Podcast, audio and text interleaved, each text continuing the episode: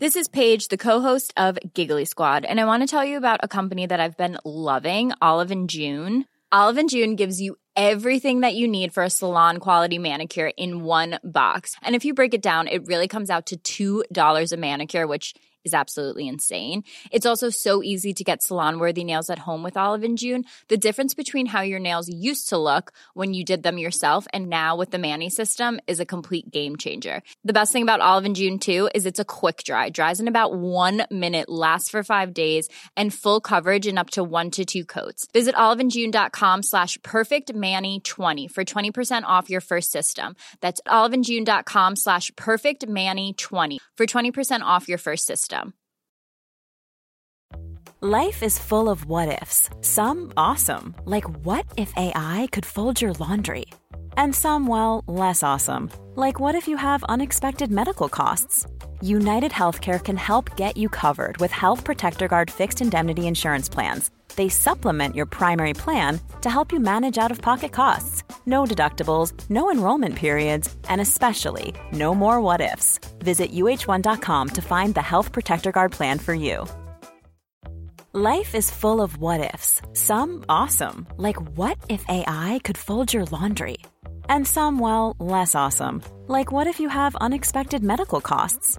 United Healthcare can help get you covered with Health Protector Guard fixed indemnity insurance plans. They supplement your primary plan to help you manage out of pocket costs. No deductibles, no enrollment periods, and especially no more what ifs. Visit uh1.com to find the Health Protector Guard plan for you.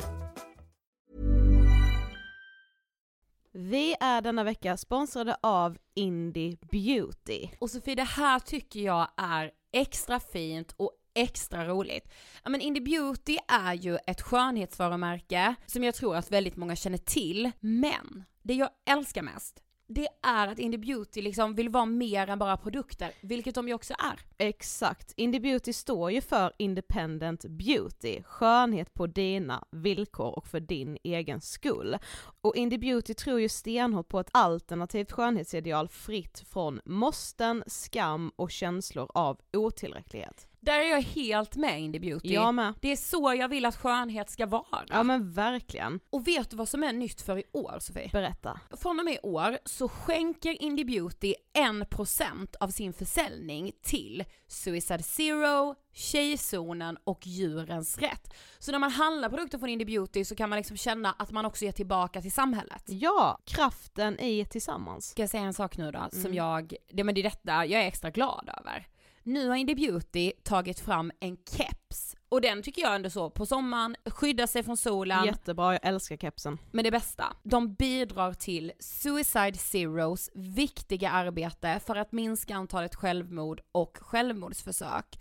Så för varje såld keps så går hela vinsten, 100 kronor, direkt till Suicide Zero. Då kan man liksom göra nytta både för samhället och sin hud på en och samma gång. Ja, och kepsen kostar 169 men alltså hela vinsten går då som sagt till Suicide Zero. Mm. Så om man vill göra skillnad när man är där ute i solen, nu när den börjar titta fram, då ska man välja den här kepsen. Den säljs exklusivt på indiebeauty.se och på Apotea. Tillsammans kan vi skapa en ljusare framtid. Vi ses med kepsarna på! Tack Indie Beauty! Vi är sponsrade av Mindler och som ni säkert vet sedan tidigare så är vi ju ute på psykologresan tillsammans.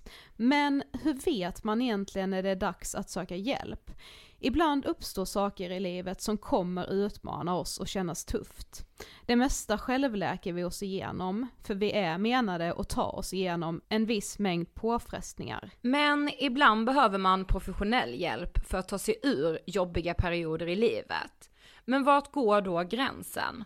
Vad är en del av livets skavighet och när är det läge att söka hjälp? Det sägs till exempel att stress är farligt, men att också kan vara bra. Alla sover dåligt ibland, så när har man egentligen sömnproblem? Ångesten kommer väl krypande för de flesta någon gång. Så när ska man se ångesten som outhärdlig? Hur vet jag?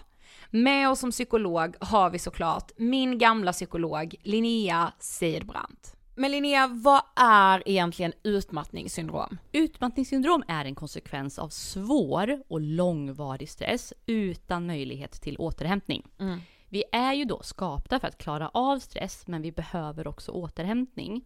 Om du utsätts för för mycket stress under en lång period utan att du får till den nödvändiga återhämtningen så kommer kroppen till slut att säga ifrån. Och det är faktiskt så att alla har en gräns. Du kan drabbas av en rad fysiska eller psykiska besvär som trötthet, sömnproblem, hjärtklappning, besvär från magen och tarmarna och mycket annat. Och det här är ju då varningssignaler och tecken på att du kan behöva göra någonting åt din situation. Annars så kan besvären utvecklas till att du mår så dåligt på sikt att du blir psykiskt och fysiskt utmattad. Ladda ner Mindler till din telefon och läs mer på mindler.se.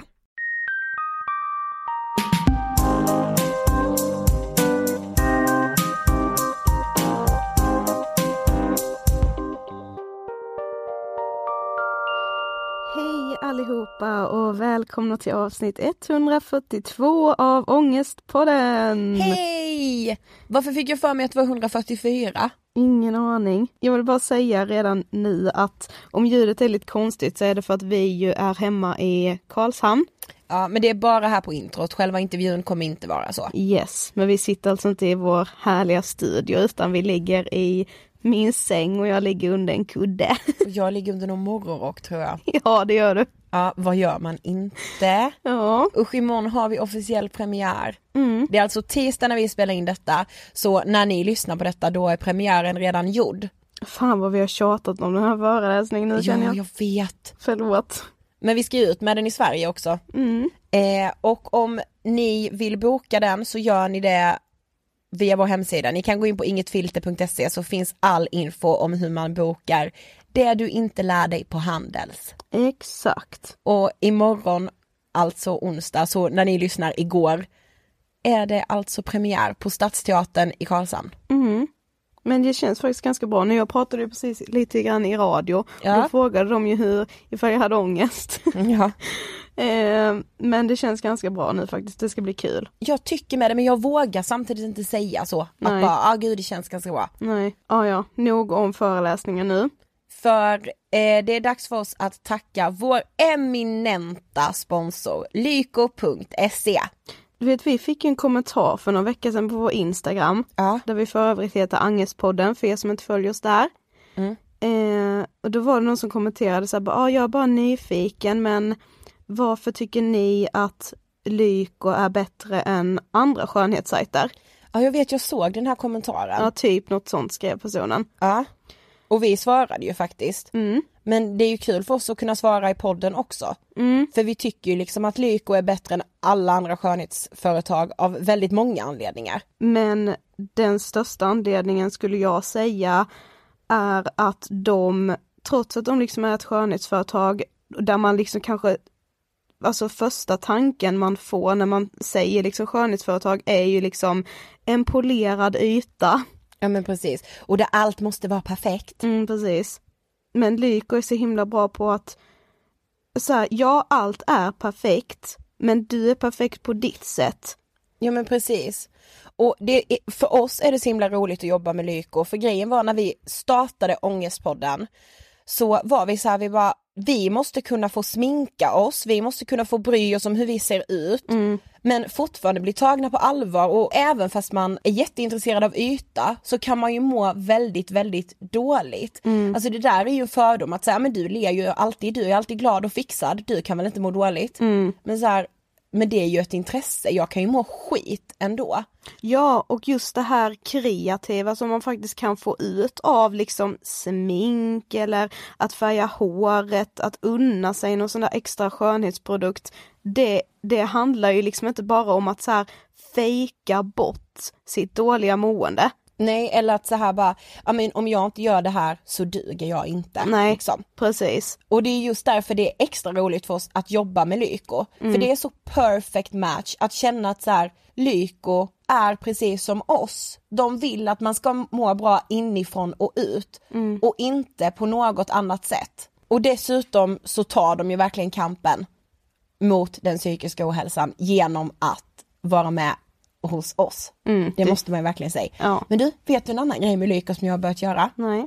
Jag följer Lyko Sverige på Snapchat. Mm, det gör jag med. Mm. Det har jag gjort ganska länge, det är skitkul. Det är jätteroligt, som idag ska man få följa med inköpsavdelningen. Mm. Du vet jag blir lite så här taggad och vet du alla ser så snälla ut. Eller? Ja, så mitt tips följ Lyko Sverige på snapchat. Tack liko.se. Och eh, idag har vi med oss en gäst.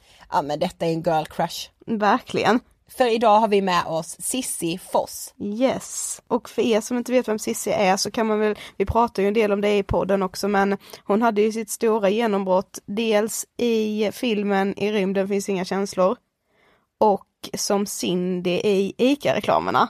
Exakt. Och de där ICA-reklamerna de har ju, alltså jäklar vad de har funnits länge nu tänker jag bara, Ja, Ops ej spons. nej. Ja men det har de, de har funnits jättelänge och eh, Sissi spelade ju då Cindy Mm, där. mm. Eh, ganska länge väl? Ja det tror jag. Mm. Och nu har Sissi släppt en bok. Mm. En Så- barnbok. Mm. Så dels kommer vi prata om den men vi kommer också prata om eh, Sissis uppväxt. Hon förlorade sin pappa i cancer när hon var ung. Och vi kommer prata panikångest. Mm. Alltså jag, det var ju jag kände jag ju. När Ja. hon pratade. Det känner jag ju ganska ofta med våra gäster men det här var något nytt. Mm. Det var helt sjukt måste jag säga hur jag liksom kände igen mig i hennes berättelse. Mm. Men det är intressant också när folk eh, som liksom aldrig har mått psykiskt dåligt liksom Alltså typ haft panikångest i sina unga dagar och sen får man det när man är i en period som man har sett fram emot, som man liksom har haft som mål i hela sitt liv och så hamnar man där och bara Men nu ska jag inte ha panikångest. Precis. Nu ska jag ju liksom vara mitt lyckligaste jag. Och sen så brakade liksom. Mm. Mer om detta i intervjun. Och vi ska inte dra ut på det här mer Sofie. Nej, För vi rullar intervjun med Sissi Foss. Varsågoda!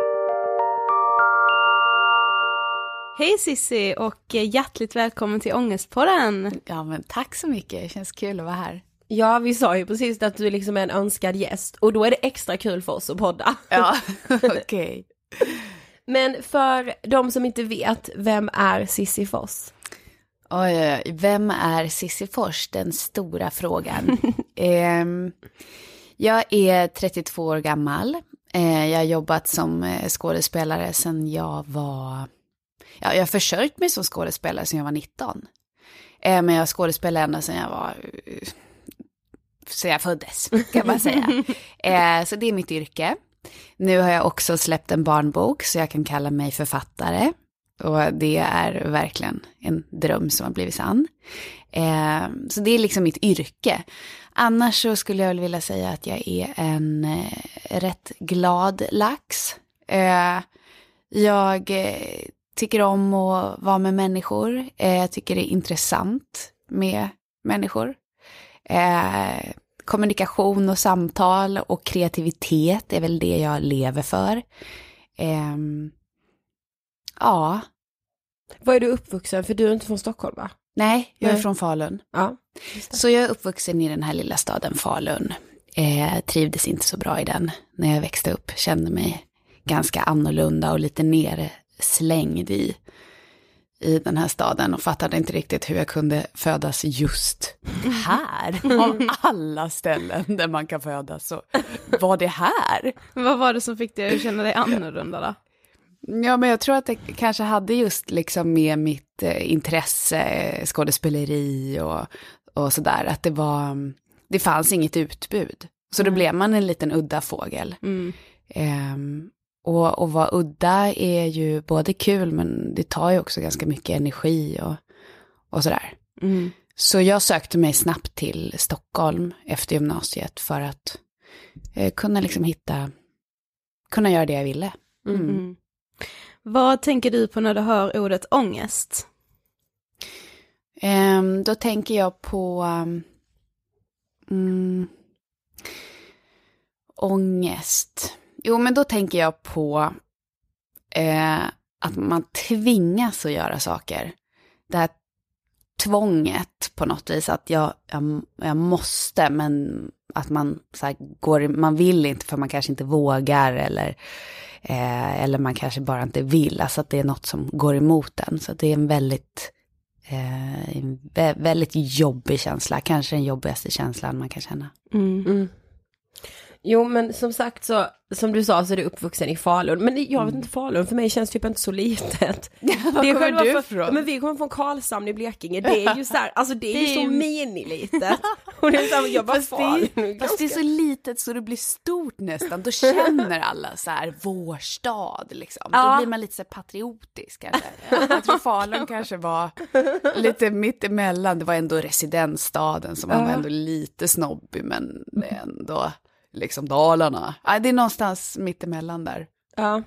Jo men okej om vi går tillbaka till din högstadietid, alltså Ja. då är man typ 14-15 år. Mm. Hur, hur var den tiden för dig? Usch, det var faktiskt inte så kul. Um, mellanstadiet och högstadiet var riktigt eh, jobbigt. Ehm, det var ju en sån där period i livet då, det, då man försökte hitta sig själv. Och eh, allting handlade på något vis om att passa in. Eh, jag hade ett väldigt starkt tjejgäng som jag eh, hängde med jämt. Vi var fem stycken. Och en i den gruppen, hon hette Lisa. Eh, och hon och jag delade vårt stora teaterintresse. Och henne har jag faktiskt i efterhand kunnat tacka för mycket varför jag fortsatte att spela teater och varför jag liksom blev den jag är idag. För att eh, vi var verkligen ett team och delade, delade lite samma tanke på något vis. Alltså vi var lite freakade i huvudet sådär. Så att det, vi kunde liksom avsluta varandras meningar nästan. Ja, det är så fint sånt. Ja, eh, ja. Hon var grym för mig och min utveckling kreativt. Mm. Annars så var det väldigt, det var väldigt, eh, usch, nej det var inte roligt, det var svårt. Det handlade ju väldigt mycket om att passa in som sagt. Mm. Och jag passade inte in någonstans. Men det är typ spännande för att man säger typ att i högstadiet, ja men som du säger, då ska man liksom hitta sig själv på något sätt. Mm. Så att det blir liksom två helt olika vägar för att, att hitta sig själv och passa in. Är Ja. två helt olika saker. Alltså Ja. så här, det är typ därför det känns så jobbigt. Exakt, det är, exakt, det är två helt olika saker. Ja. Man liksom Mm. går emot den tanken, det blir liksom krig i huvudet på något sätt. Ja, för man kämpar, för där och då så känns ju så här, att hitta sig själv känns ju ändå inte så viktigt, för man bara, nej men jag måste bara passa in. Ja. Så, ja. Men jag kommer ihåg det där man skulle ta, det här var någonstans då mellan, alltså ja, em, fyran, vad blir det, nej, femman, sexan, sjuan, där. Mm. Nästan värst på något vis. Eh, ja, men då fanns det ju så här JC och H&M Ja. i Falun, typ Vero Moda eller någon sån där butik. Och så skulle vi, jag och Lisa gick på stan och vi skulle eh, så här fotas, skolfoto. Och då skulle man ha någon ny tröja, det var ju viktigast liksom. eh, och vi gick och leta och leta och prova och hitta hur mycket fint som helst. Men det slutade vartenda år med att vi köpte en varsin ny Fruit of the Loom-tröja. Och jag ville inte ha jag hatar de där jävla tröjorna. Men man hade dem likt förbannat. Och med någon piké under om man ville spicea upp det lite. Och det kommer jag ihåg att jag bara, du är så knäpp som gör, varför gör du det här mot dig själv? Jag kommer ihåg liksom att jag såg på mig själv som, vad, vad håller du på med? Men det var liksom just det där att hitta sig själv, men inte våga fullfölja det. Ja. Så då väljer man ändå att passa in och gör våld på sig själv och det skapar ju ångest. Mm, Precis. verkligen. Mm. Så det är en svår tid. Ja. Mm. Eh, under gymnasiet sen så gick Mm. din pappa bort i cancer. Mm. Hur var hela den tiden? Ja, det var en eh, jättetuff tid. Ehm, jag kan ju säga att i, i åttan så började allting bli, om det här var det vi pratade om innan, att det var Mm. hitta sig själv och så, men i åttan så eh, hittade jag mer, eh, fick jag mer vänner genom ett så här konfirmationsläger från liksom hela Sverige och hela, ja, och också från andra länder. Det gjorde att jag hittade mer vänner utanför och det tror jag var bra. Så när jag började gymnasiet eh, så hann jag gå ett år på gymnasiet. Ehm, och sen så dog min pappa där i tvåan i början. Ehm, och det var, så jag hade liksom skapat en väldigt bra plattform med vänner och hade liksom hittat vem jag var, tack och lov. Hade han gått bort två år innan hade det nog blivit total kaos. Men det var en, en jättefragil tid i livet, men jag hade ändå liksom hittat vem jag ville vara och gick teatergymnasium. Så det var ju verkligen bra för mig. Men, eh, och det hade också, jag hade ju börjat skriva väldigt mycket. Eh, vilket också var en ventil att få ut all sorg och vad som faktiskt skedde och sådär. Eh, så det hjälpte mig, så jag skrev och skrev och skrev och skrev och skrev och skrev. Och skrev. Så det var trösten. Men jag kunde ju inte sköta skolan och bra.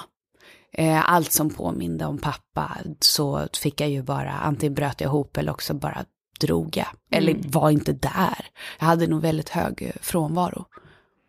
Men jag tycker ändå det är fint att du sa så här att du ha, hade så mycket vänner. För jag tror att det är lätt att i den åldern, när någon sån, när någon sån jättehändelse som blir en så stor sorg, när det händer för någon att, ja men att vänner då i den åldern, så här, nej men gud, alltså att man nästan vänder ryggen till för att man blir så himla rädd. Eh, alltså kunde du uppleva det också, att det fanns de som nästan så här, gud det här är så stor, så stor sorg så jag vet inte hur jag ska deala med det. Du menar kompisar? Ja, precis. absolut. Det var faktiskt eh, några kompisar som jag blev då väldigt besviken på.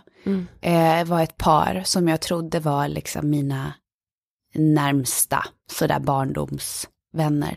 Som faktiskt ehm, eh, inte var där eller vågade ta i det. Men det har ju jag förlåtit dem för, för det förstår jag också att det är svårt. Och de växte också upp med min pappa, så att det blev ju ännu svårare att hantera kanske än om man kom in lite senare i livet och hade träffat min pappa liksom bara ett år. Sådär. Så att det, det fanns sådana också. Och sorg är ju oerhört svårt för att man, man vet ju inte hur folk reagerar kring det. Så att det, man får ha lite överseende även om man själv är i en sorg. Ja, precis. Ja, vi tänkte liksom, hur bär man ens den sorgen när man är så ung? Mm. Ja, min, det som passade mig, det var ju att prata om det. Och att ventilera och vara öppen. Och eh, när jag var ledsen, att tillåta mig själv att vara ledsen. Ehm, skriva, alltså skrivandet var så viktigt. Det, oj, oj, oj. Det, det var jätte, jättebra. Och sen var min mamma otroligt bra i hela sorgarbetet. Vi var ju på pappas, eh, på pappas bårhus tänkte jag säga. Det låter ju helt hemskt, men det var, han låg ju där på bårhuset. Och då tyckte min mamma att vi skulle, jag och min bror skulle mm, hälsa på pappa. Han låg där död. Och det var ju väldigt makabert och det, jag tyckte att det var helt sjukt att hon ens föreslog det. Men så tvingade jag mig ändå dit. Eh, och mamma sa det, om det känns jobbigt efter en minut, då går du bara. Och så. Men det blev jättebra terapi för mig för att jag fick se pappa i alla skepnader. Som frisk och ung och eh, äldre och sjuk och dödssjuk och sen död. Och också få se hur en, alltså hela processen. Och jag är väldigt sådär, jag tror på mm, en viss um, andlighet, eller jag har med det sen, sen jag var liten och min mormor är mycket, hon är väldigt spirituell. Så, så vi kunde också prata om hela den och, och alltså döden och livet och på något vis att det är naturens gång. Det blir väldigt så här, det var, jag tror det var jättebra. För mig var hela processen väldigt renande och naturlig. Ja, för, för det låter liksom, jag tror du sa, pratade om det i ditt sommarprat, eller om vi Ja. har läst en annan intervju, just det här med att du såg din pappa där på bårhuset. Men Ja. när du säger det så här så låter det väldigt nyttigt på något sätt. Mm. Ja. Jag tror vi är så himla rädda för eh, sorg och död Ja. och avvikelser och allt sånt där idag. Allt det är så putsad yta medan förr i tiden då levde man med eh, yngre och äldre ihop och man, eh, det var unga som dog och nyfödda bebisar och det var äldre farföräldrar och döden var liksom en del av livet. Eh, och, och vi hade det där mer naturligt i oss mot vad vi har idag. Idag ska vi liksom skövla bort de här Ja. äldre människorna in på något äldreboende. Och Ja. jag vill helst inte se det här för jag kommer ju inte bli gammal. Precis. Det finns någonting i vårt um, levande idag som jag tycker är väldigt sådär, usch, jag gillar det inte. Mm. Ja men just det här med att man ska skydda sina barn från Ja, sorgen. Alltså och inte ifall- prata om Ja, och liksom inte. barn ska inte Ja. följa med på begravningar och liksom, Nej. varför inte då? Liksom? Mm.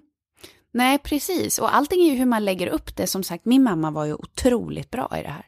Gud, så himla bra svar. Alltså det kändes som att jag så här, shit, ja. Men så här, du sa att skriva var en jätte så här, viktig del Mm. i allt. Var liksom att spela teater också en viktig del? Absolut. Alla sätt att på något vis eh, fly verkligheten, eh, teater. Eh, vi gjorde ju så mycket humor och alltså den typen. Eh, och det mörka humorn och få skratta och eh, superduper viktig. Eh, och också, och skrivandet då, att både få skriva från där man var, men också göra om det till dikter, att eh, hela tiden ta, det är liksom så, jag tänker så här, vad skulle jag göra om jag inte hade det kreativa?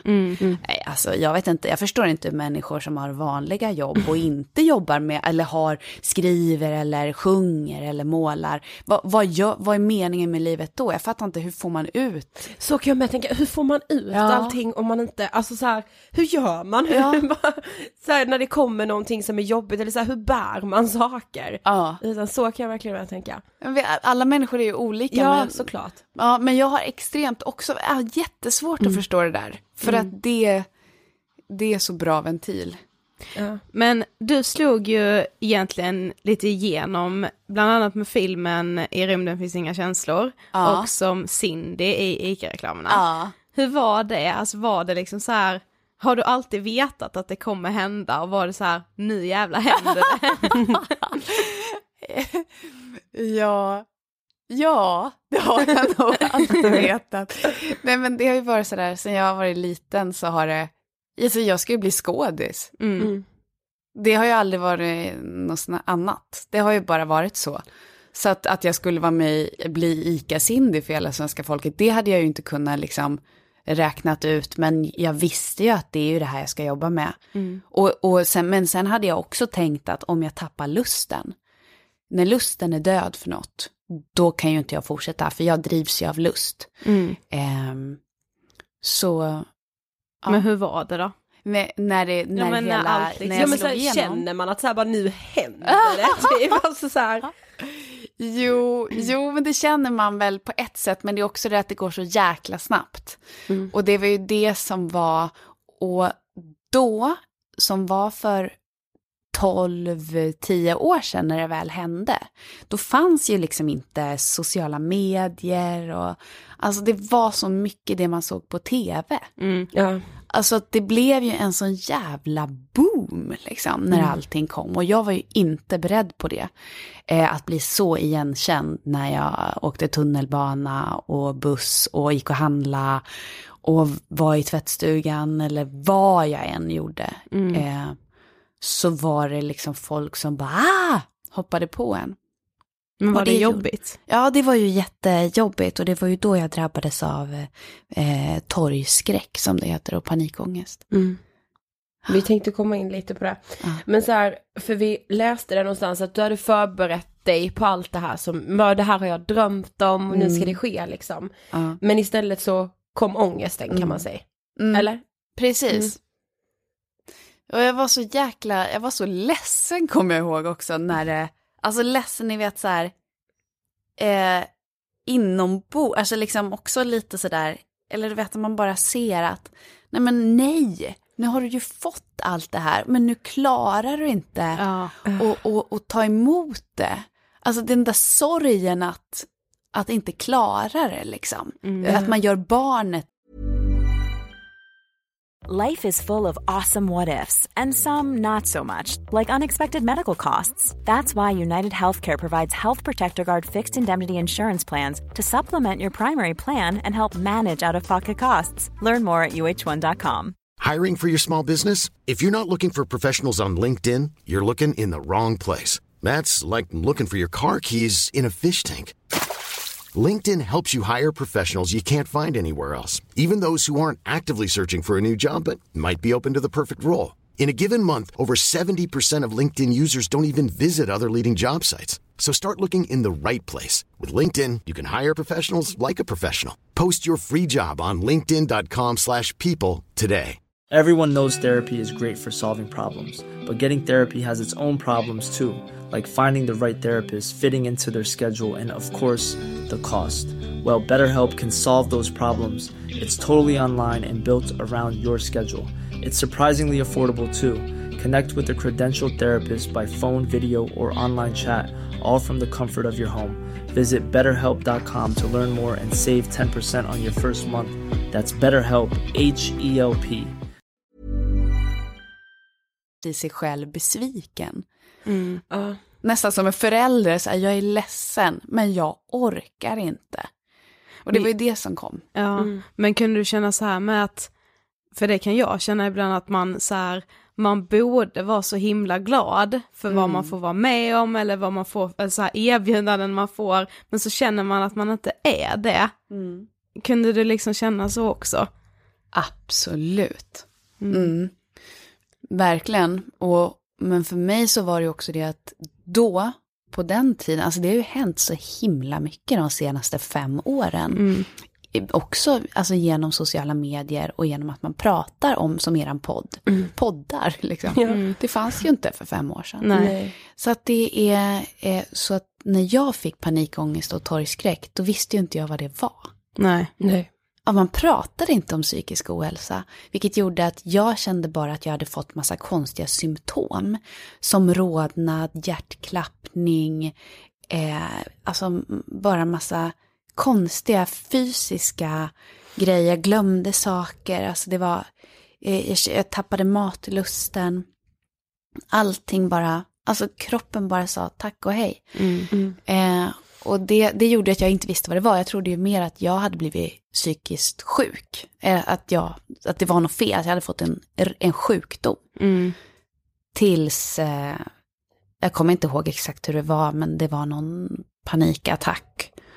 Och eh, jag förstod att det var, eh, och folk runt omkring mig förstod att det var liksom panikångest. Mm. Så då fick jag ju hjälp via kognitiv terapi. Mm. Tack och lov. Men det är så sjukt för alltså det du beskriver nu, alltså det är typ på exakt samma sätt var det när jag fick panikångest. Ja. För, och det är ju fem år sedan nu. Ja. Och var det så här för dig att du kunde åka in och ut på akuten och de visste inte vad det var eller var det så här när du väl sökte hjälp Ja. så var det någon som direkt och bara, nej men du det här är panikångest. Ja, så var det. Ja, jag åkte inte in och ut. Jag var på väg till psyk någon gång, men avbröt det liksom. Mm. Så att jag sökte hjälp via kognitiv terapi på en gång. Mm. Och det var ju knappt så att jag vågade berätta för eh, terapeuten liksom vad mina symptom var, för jag tyckte det var så skambelagt. Ja. Att säga att, eh, att prata om rodnad och, och, alltså just för att man var en sån här person som utåt sett var glad och lyckad och eh, inte hade några problem. Mm. Sådär. Och helt plötsligt så, ja. Det, det, nu helt ärligt när vi pratar om det, så låter det så sjukt att för fem år sedan, eller sex eller sju eller vad det var, ja det var nog sex, sju år sedan nu, att det var så tabubelagt. Mm. det är helt sjukt. Ja. Men var det ändå så att du fattade ändå att det var liksom psykiskt du mådde dåligt liksom? För att många kan ju tro att när man får så här de här symptomen på panikångest, Ja. att man liksom tror att det är någon, en fysisk sjukdom, typ som Aida, de trodde typ att du hade fått MS och allt vad det Ja. var. Ja, gud, ja. oj, läkarna. Ja. Men gud. Ja, det tog så lång tid innan de så här visste att det var, aha, panikångest, helt Oj. sjukt. Eh, men ja, men det, Ja. alltså det är så konstigt att det kan bli så liksom. Ja. Men du förstod ändå att det var liksom psykiskt? ja, jag förstod att det var, det gjorde jag. Mm. Eh, efter ett tag. Ja var det några Ja. så här speciella situationer där du, alltså som utlöste panikångesten? Var det, Ja, det var när jag kände mig trängd, eh, tunnelbana och affärer. Eh, men det värsta var när det började komma till mig hemma. När jag skulle sitta och äta middag med eh, liksom min mamma, min bror och några till. Alltså den trygga sfären. Ja. Och där kommer panikångesten.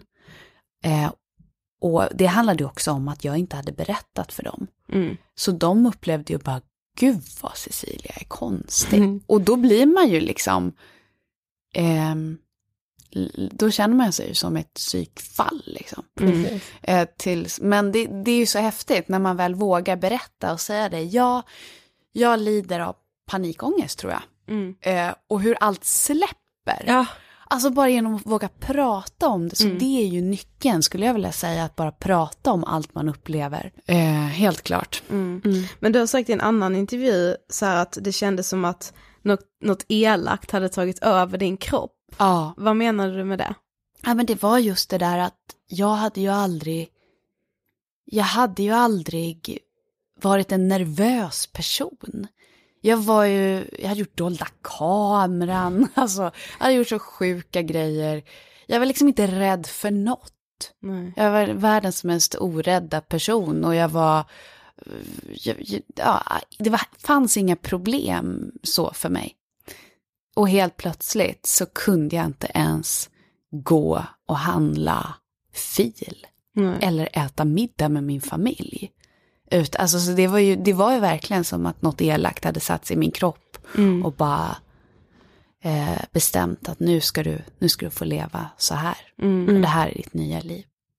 Men det, ja, det är bara ännu ett bevis på att så här, det kan liksom drabba vem som helst. Ja. Att du gick från att vara så här, spela teater, ja men dolda kamera, det är Ja. typ bland det värsta man kan utsätta Ja, sig förstår Det är vidrigt liksom. Och sen att du kunna sitta och vara lugn på en middag med din familj. Det, är liksom, det är ganska tvära kast om man säger så. chock. Ja. Och det där gick ju från praktiskt taget en dag till en annan. Ja, Så man hängde ju inte, jag hängde ju inte med. nej. Nej. Nej, det var, ja. Men hur upplevde du terapin? Alltså, tog det så här, gick det snabbt för dig att komma in i terapin och känna att du blev hjälpt? Eh, ja, eh, jag hittade faktiskt en, en kvinna som var i fantastisk, eh, här i Gamla stan där vi sitter nu. Ah. Eh, och hon, ja hon var jättebra. Jag hade liksom ingen koll riktigt på eh, hur kognitiv terapi funkade. Men hon, jag var ju sådär, jag hade gått, testat hypnosterapi. Alltså en väldigt light, light. Funkade inte riktigt på mig. Eh, för, eh, och det var ju innan jag visste att det var panikångest jag så eh, led av. Så att det var nog svårt för den terapeuten att faktiskt hjälpa mig. Eh, men när jag kom till den kognitiva terapin så var ju hon så här, eh, verkligen spaltade upp. Okej, du har de här problemen, eh, det här går att lösa. Du är den som löser det. Jag ger dig redskapen. Är du redo? Och då var jag ju mer än redo, så jag bara ja. Finns, men tror du att jag kan bli hjälpt? Och hon bara ja. Oj, för jag, bara, jag tvivlar ju på det så mycket. Och jag kommer ihåg, jag hade sådana här grejer att jag ville ha, det var så skönt tyckte jag att ha solglasögon. Det, och, jag, och jag fick sån ångest att nej, nu kommer hösten, nu kommer vintern. Nu kan jag inte ha solglasögon i Sverige. Då är man divig. Eh, och så här. Eh, Men hon sa, vi ska börja nu med att du ska utmana dig själv att inte ha solbriller på dig. Liksom Ja. om det går att göra något så här. Och jag bara okej, fy fan vad jobbigt. Och jag bara, och jag gillar ju också att ha tuggummi. Det är en sån här trygghetsgrej. Alltså allt sånt där, jag hade bara lagt på massa sjuk, alltså Ja. ni vet, grejer för sig. Så hon bara, då börjar vi med det. Så det var successivt små grejer och så fick jag liksom läxor. Och så kände jag att jag blev så här duktig och bara, "Åh, ja, jag fixade utan solbriller och gå in och köpa en tidning. och så kom jag tillbaka till henne veckan efter och bara, ja, jag utmanar mig själv. Så att jag, liksom, jag gjorde ju det här på riktigt. Och så man kan ju inte bli hjälpt om man inte vill bli hjälpt. Nej. Nej, precis. Mm, så för mig så funkade det verkligen. Jag tror det tog tre månader och sen var jag liksom helt fri. Mm. Men kan du känna ändå så här, kan panikångesten komma tillbaka än idag Mm. på något sätt, men att du vet att du ska hantera den. Eh, ja, det kan den. Eh, och nu, nu vet jag hur jag ska hantera den. Men det är också lite kul för att jag har ju skrivit den här boken, Mm. Fislandet, som är en barnbok. Men den handlar ju också om ångest. Och den handlar om att hitta så här tryggheten i sig själv och våga tro på sin grej. Eh, och, och följa sin intuition och lita på att man, man har alltid liksom en kompis. Även om du är själv så har du en kompis och det är liksom din, din själ. Så att du är aldrig själv. Liksom. Och när jag skulle göra Nyhetsmorgon i söndags så kom det en sån här, jag ska gå ur taxin. Jag ska precis betala, så kommer en sån här, en våg av bara, uh, så här, åh fy fan, liksom. Nu ska jag sitta här själv och promota något jag skrivit själv. Vem tror jag att jag är? Ja. Liksom, den där grejen som kommer till en. Men då tänkte jag just på vad jag hade skrivit i min bok.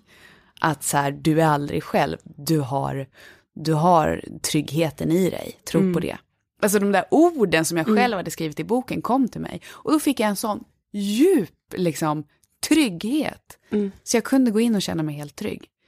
Så jag tror verkligen jag har hittat mina små, små tricks och knep. Och också försöka ta allt lite med en klackspark.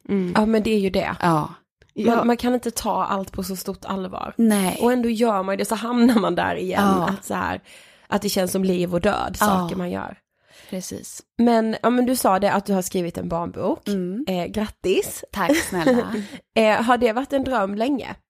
Alltså, det här skriva har ju alltid varit en, en dröm, tror jag, att kunna. Jag har ju skrivit krönikor och sommarprat och varje gång jag fått göra sånt offentligt har jag känt mig väldigt ostressad. Det har alltid varit en sån naturlig grej.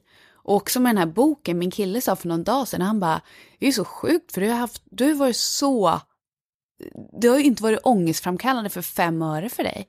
Och jag bara, nej, det är sant. och det är ju första gången jag har gjort, alltså skådisjobbet är ju ganska ångestkrävande för det är mycket människor och man har liksom inte makten i sina egna händer hur resultatet blir eller Nej. hur manuset är eller det enda man är är att man är man, gör, man är där och gör sitt jobb som någon annan har liksom lagt fram till en. Mm. Och sen lämnar man ifrån det och så ska någon annan fixa till det. Men så skriva, så för mig har det varit, det har nog varit en dröm. Eh, men kanske inte just barnbok, men så blev det en barnbok. Mm. Men å andra sidan kanske en bok som man kan läsa som vuxen med, eftersom du Mm. kunde ta hjälp av dina egna, egna ord. Men så här, hur, hur fick du idén till Fislandet? Det, den har, jag tror den har levt med mig kanske längre än vad jag vill erkänna.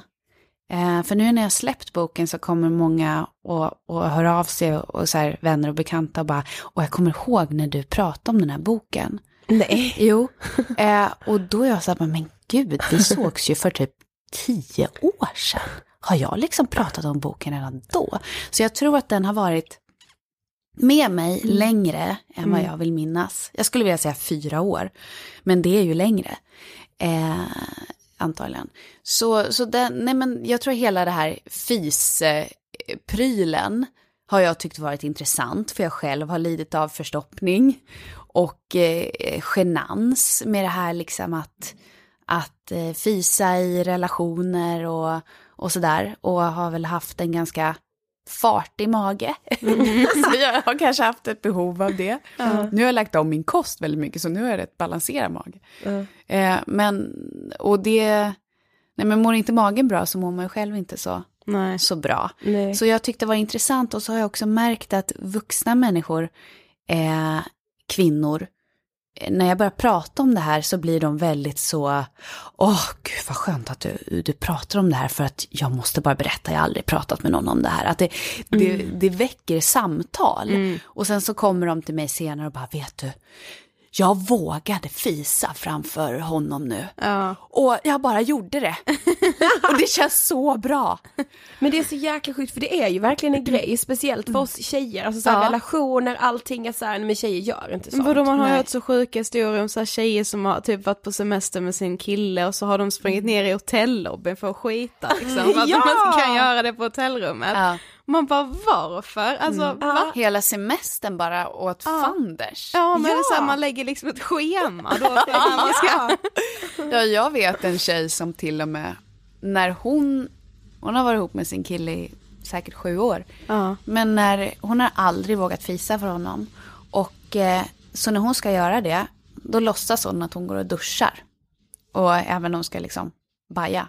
Ja. och det är så, och han, han måste ju tro att hon duschar hur ofta Ja. som helst. Nej men det blir ju helt fel. ja. Man, varför ska man hålla på och begränsa livet på det här sättet? Man har ett liv. Orka Mallorca liksom. Ja, det är liksom ganska naturligt. Ja, ja, sen behöver man inte fisa i ansiktet på folk. Liksom. Nej, det finns ju precis. gränser, det är inte det jag vill säga. Men, men, nej, men så därför var hela fis, eh, att det ämnet kändes så himla relevant. Men sen handlar ju boken om någonting helt annat. Mm. Eh, man kan tro att det är en prutt och bajsbok, men den, den är bara inlindad i det. Ja. Det det handlar om är faktiskt att våga eh, hitta, våga lita på sin inre känsla och att stå för den man är och eh, hitta en självkänsla och vara snäll mot människor. Mm. Eh, så det är, mycket, det är mycket kärlek till sig själv och till andra som boken handlar om. Jag tror det kan vara nyttigt för även vuxna att läsa. Ja, men jag tror det också. Mm. Ja, Det- verkligen.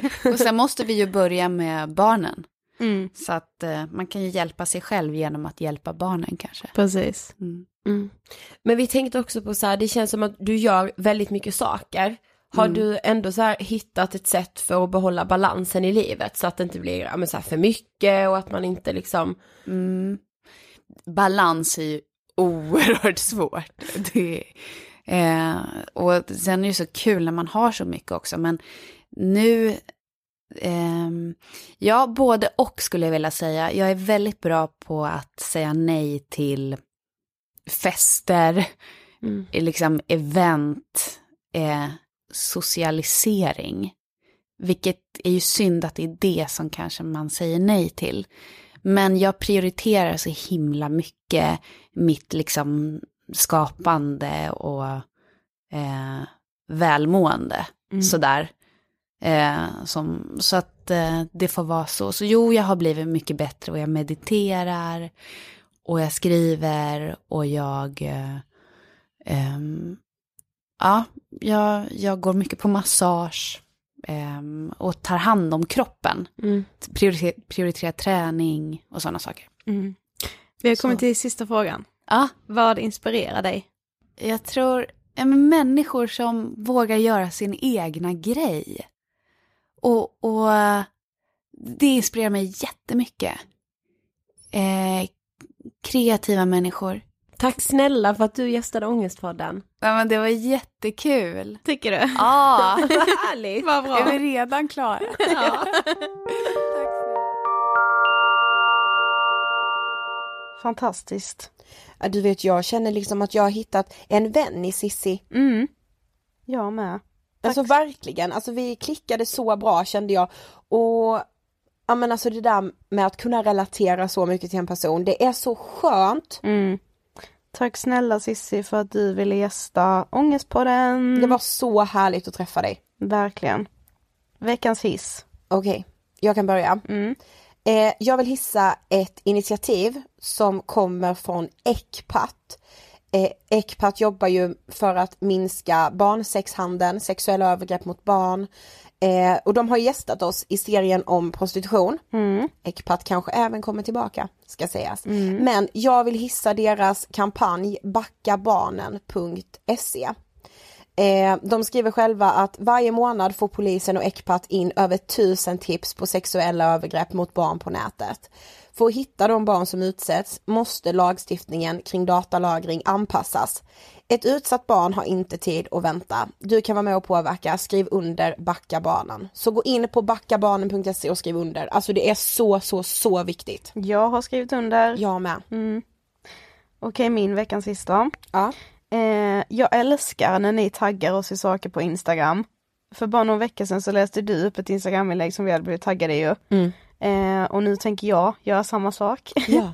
eh, för igår, du vet här när man vaknar på vissa måndagar och bara, jag pallar typ inte den här veckan, den känns så lång. Mm. Och den känns så jobbig. Och nervös och allt. Ja, och så blev vi eh, taggade i ett inlägg som jag bara så här, shit det här måste jag liksom läsa upp i Ångestpodden. Okej, låt höra. Eh, det var, nu ska vi se här, hon heter Natalie Suo, tror jag, förlåt om jag uttalar fel. Okej. Eh, God morgon superstars, hur mår ni? Allt bra? Måndag en fresh start liksom, hur härligt är inte det? Nya möjligheter och utmaningar, yes. Tycker du inte? Varför inte? Hade du en tuff helg? Vet du om att du har mycket plugg eller jobb framför dig denna veckan som gör dig stressad? Sov du dåligt i natt? Ta ett djupt andetag. Här är lite news från verkligheten. Du kan aldrig bli perfekt. Du kan aldrig göra ett perfekt jobb. Du kan aldrig få alla att gilla dig. Det är faktiskt 100% vetenskapligt bevisat, så släpp det. Du är inte den första människan någonsin som kommer defy natures laws. Släpp det, ta ett djupt andetag och lita på dig själv och att allting kommer gå bra. Kom ihåg att om sex månader så kan du vara i ett helt annat tillstånd i ditt liv, mentalt, spirituellt och ekonomiskt. Så fortsätt med det du gör utan dina för höga krav och tro på dig själv. Det kommer gå bra. God morgon än en gång superstars, detta kommer bli en bra vecka. Alltså jag började typ gråta för jag behövde höra det så mycket. Ja, Så jag tog ett djupt andetag men hörde du det? nej det hörde jag inte. Det är för att, kanske för att jag Oh my god det. jag behövde höra det där så så så mycket. Eller hur, det var så bra. Verkligen. Så tack för taggen Nathalie. Ja och alltså vilket superavsnitt vi har haft. Mm, verkligen. Gud. Vad jag älskar att göra ångest på det. Jag säger det allt för sällan. Ja. Mm. Du var så lite tvek. Nej men jag tänkte det gör du väl visst. Säger jag det ofta? ja. Ja, ja, tack så jättemycket för att ni har lyssnat på det här avsnittet. Superstars, jag gillade det från hissen. Mm. Vi hörs precis som vanligt nästa torsdag. Ha det bäst tills dess. Love you guys! Hej då!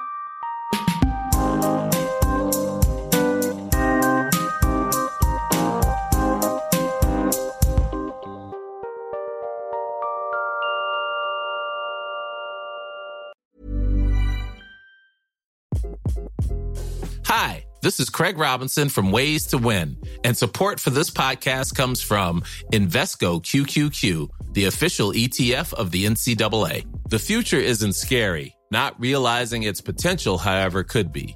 Just like on the recruiting trail, I've seen potential come in many forms as a coach. Learn more at Invesco.com slash QQQ. Let's rethink possibility. Invesco Distributors, Inc.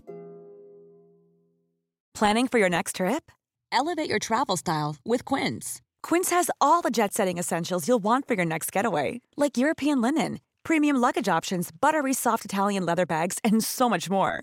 And is all priced at 50 to 80% less than similar brands. Plus, Quince only works with factories that use safe and ethical manufacturing practices. Pack your bags with high-quality essentials you'll be wearing for vacations to come with Quince. Go to quince.com slash pack for free shipping and 365-day returns. Imagine the softest sheets you've ever felt. Now imagine them getting even softer over time. That's what you'll feel with Bowl and Branch's organic cotton sheets. In a recent customer survey, 96% replied that Bowl and Branch sheets get softer with every wash. Start getting your best night's sleep in these sheets that get softer and softer for years to come. Try their sheets with a 30-night guarantee. Plus, get 15% off your first order at bowlandbranch.com. Code BUTTERY. Exclusions apply. See site for details.